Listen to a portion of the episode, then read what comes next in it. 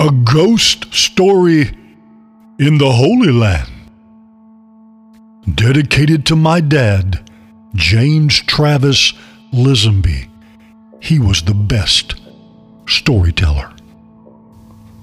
Around campfires late in the night, stories are often told of things that go bump in the night. Yarns of strange experiences, sightings of goblins and ghosts are all uttered as though they were actually true. Humbug! Let me tell you a real ghost story. The story begins many, many years ago in the mid 10th century BC, an age where book learning, song, and poetic drama were flourishing. The Tehillot, the Psalms, were the central feature of the music. Hebraic literature was increasing and architecture was accomplishing one of its greatest feats. A magnificent, colossal building of some 40 acres. Its massive stones decorated with dazzling artwork in ivory, wood, and gold. It is with this building that our story grows mysterious. This house was haunted. Or should I say, possessed. On the day that this skyscraping edifice was completed, a gold coffin like box was carried inside.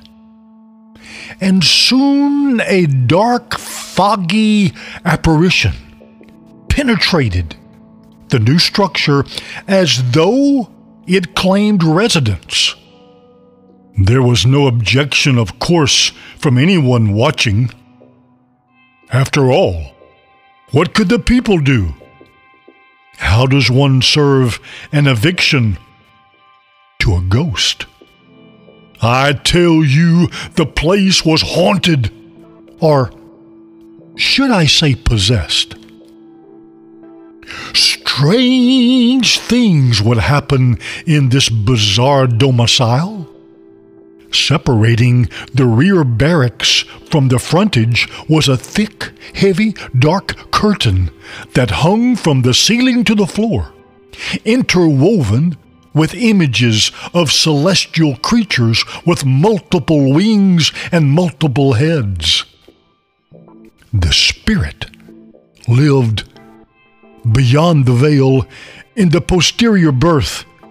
And should anyone dare to enter and cross the threshold of his dark lodge without a brazen bowl of fresh, chaste blood?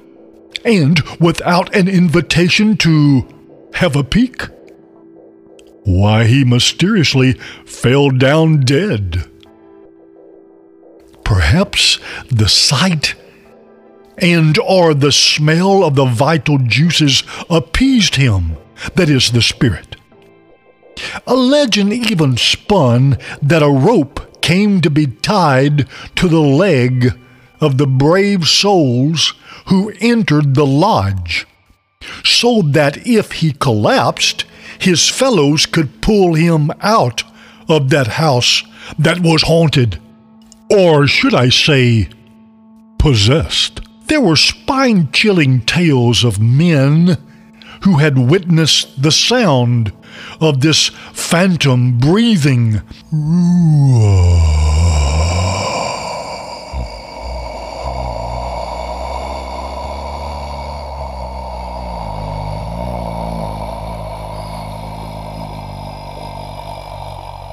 There were eyewitness accounts of the massive hand thick veil floating as a pendulum from the breath of the ghost behind the curtain. there was much suspicion, conjecture, and puzzlement among the men about the dark ways of this obscure spook and his display of aura.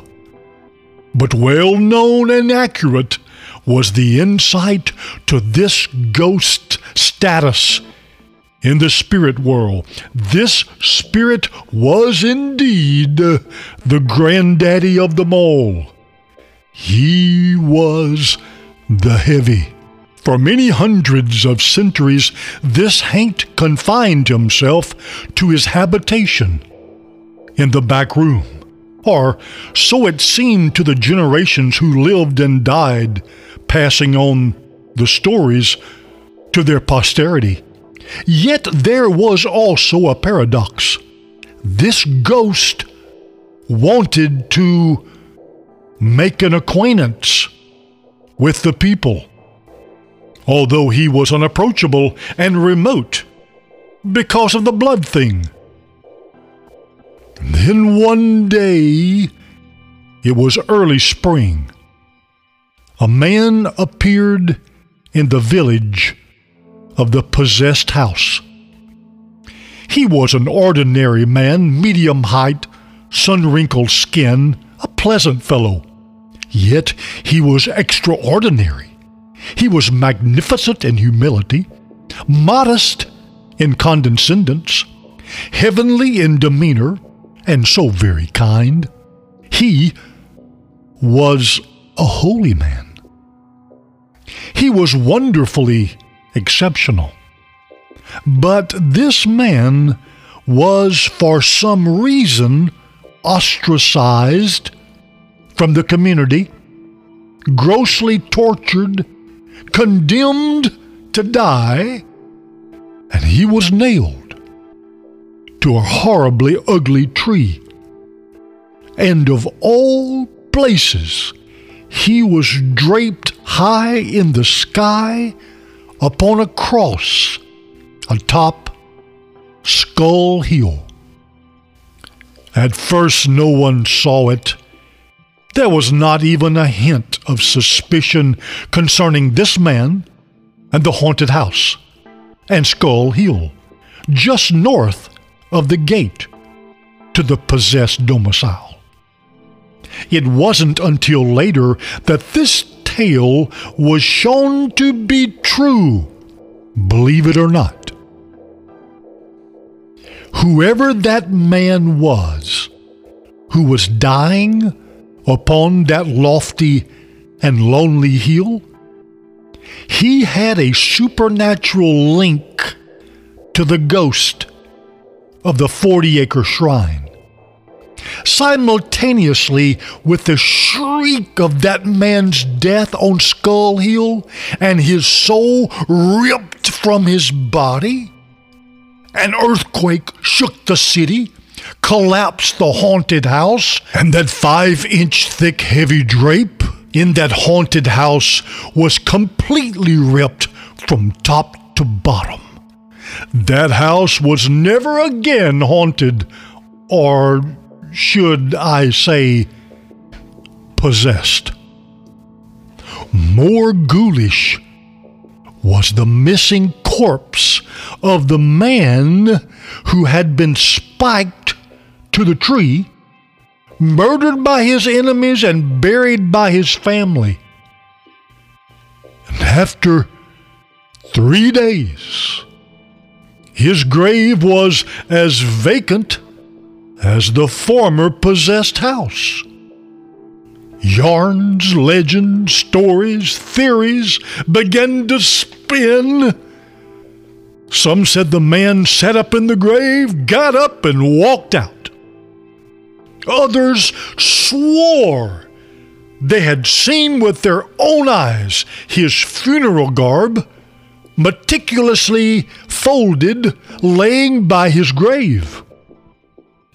Witnesses swore that he was seen with his family and his friends displaying his violent wounds about his head and hands and the hole in his chest.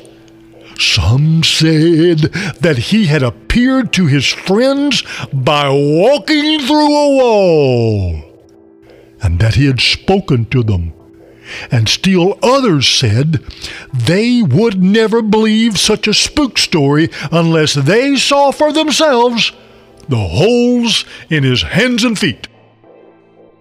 For 49 days, people whispered tales. On the 50th day, followers of the martyred man gathered, not for a seance, but in memorial of him.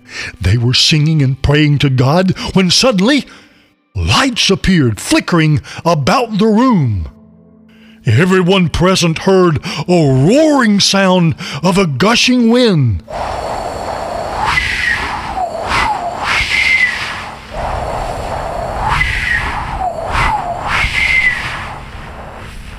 And some ordinary uneducated fellows from up north near a lake called Galilee began to speak the oracles of Elohim in languages they did not know and had not formerly spoken.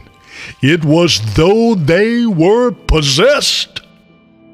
In a papyrus leafed book, an account of this ghost story was written by one of the locals, a physician. And doctors do not lie, don't you know? He recorded that the delightful holy man who had been tortured and buried and who had disappeared was linked to the spirit of the former possessed house.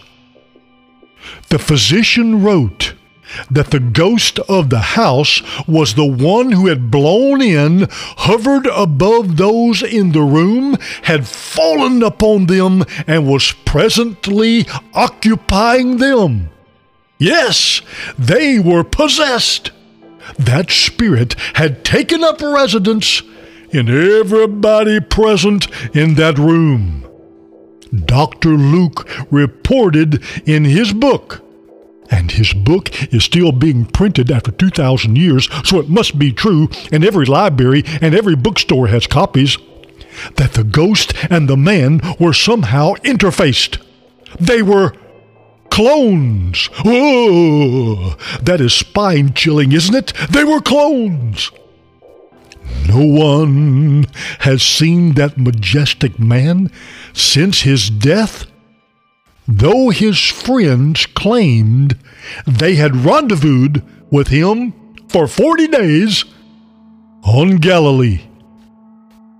The city, Jerusalem, rebuilt the formerly haunted, possessed house but there have been no marks or indications that the Spirit ever returned or that he ever will return to a house like that one. His presence is gone, at least from that house.